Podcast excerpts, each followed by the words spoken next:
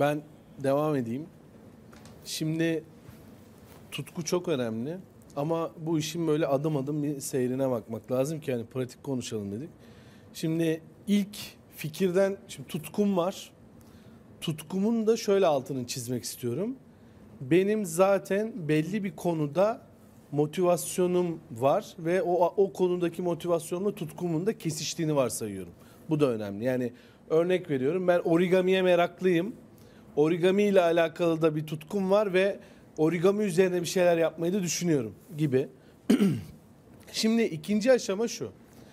Ben bu tutkumu hayata geçirmek için doğru fikri nasıl bulurum? Şimdi onun öncülü de şu. Doğru fikri bulmak için de gerçekten ilk yapılması gereken şey doğru okumayı yapmak. Doğru okuma ne demek? Doğru okuma demek şu. Şimdi bir dünyayı ve aslında kendi gerçekliğimizi çok iyi anlamak demek. Şimdi dünyayı yönlendiren makro faktörler var. Yani bugün baktığınızda bazı makro faktörler makro faktörden kasıt şu. insanların değiştiremeyeceği konjektür bağımsız etkisi altında kaldığımız faktörler. İşte küresel ısınma, dünyanın yaşlanması, internet bağlantısının artması gibi konular makro faktör.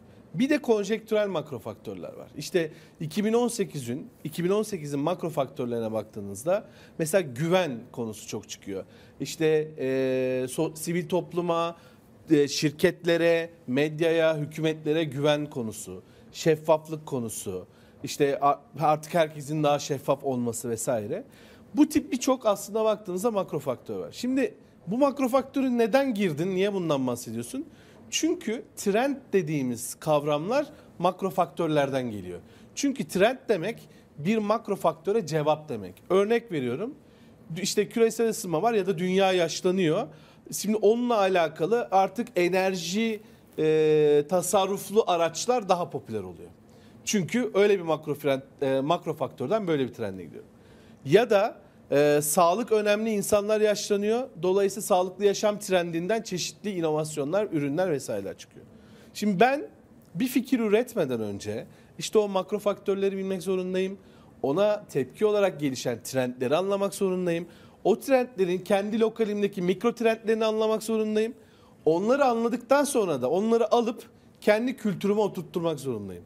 Ve demem lazım ki bu trendlerin ABC olanları benim kültürüme uygun, XYZ olanları uygun değil.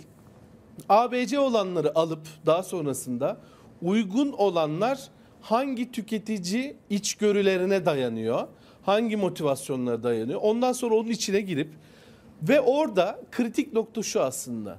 Tüketicinin o noktadaki o trendle alakalı gerilimlerini bulmak.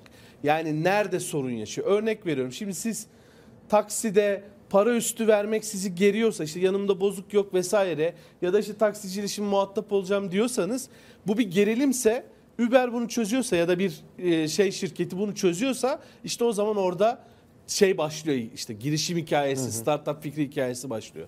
Her gerilimin olduğu yerde potansiyel bir çözüm fikri vardır. Dolayısıyla benim için kritik olan o gerilimleri anlamak. Yine benim kültürümde, benim hedef kitlemde. Ve onları anladıktan sonra da artık ben rahatlıkla fikir geliştirme aşamasına geçebilirim. Evet.